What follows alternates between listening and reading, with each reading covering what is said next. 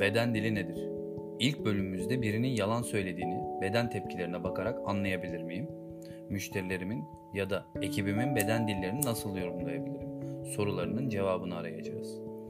Lie to Me ve Mentalist gibi diziler vücut dilini okumanın çok kolay olduğu hissini verirler. Şayet çevremizdeki insanların beden ve mimiklerini okumak çok kolay olsaydı bir günde 200 tane yalan söylememiz ya da duygularımızı saklamamız mümkün olmazdı sanırım. Sabah gözlerimizi açtığımız andan itibaren gecenin geç saatlerine kadar bedenimizde hissettiğimiz duyguları çevremize iletiriz. Örneğin bir araba satın alırken, biriyle flört etmeye çalışırken, konferanslarda, maaş görüşmelerinde, kısacası her yerde beden dili kullanırız.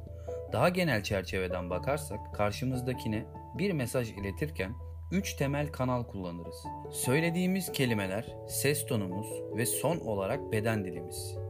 1960'lı yılların sonunda Mahrebian adlı psikoloğun yaptığı çalışma kullandığımız bu üç kanalın önem yüzdelerini bizimle paylaşıyor.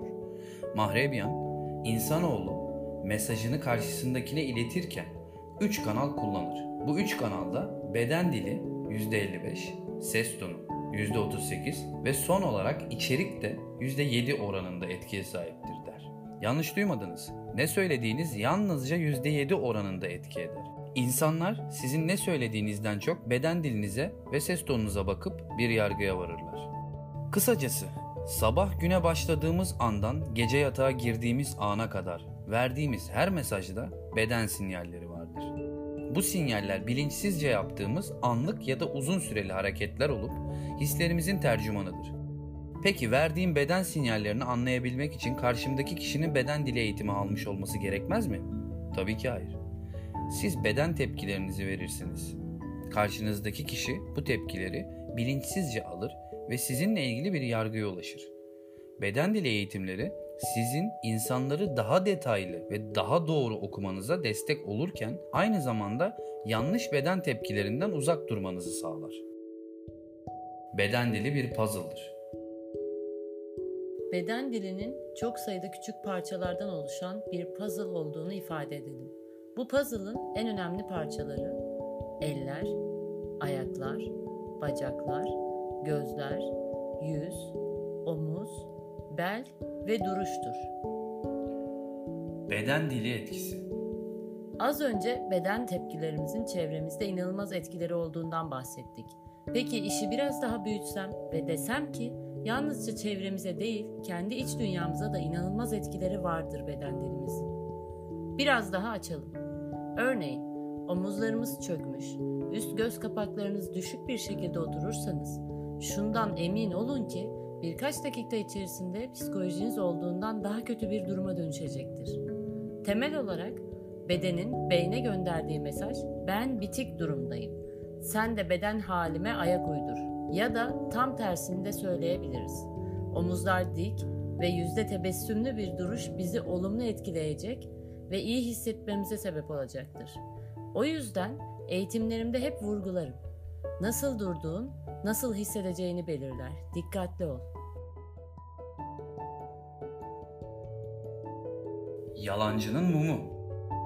Beden dili ve mikro ifadeler yorumlanırken karşımızdaki kişinin yalan söyleyip söylemediğini de anlamamız mümkün. Araştırmalar özellikle mimikler üzerinden yalan tespitinin daha güvenilir olduğu yönünde.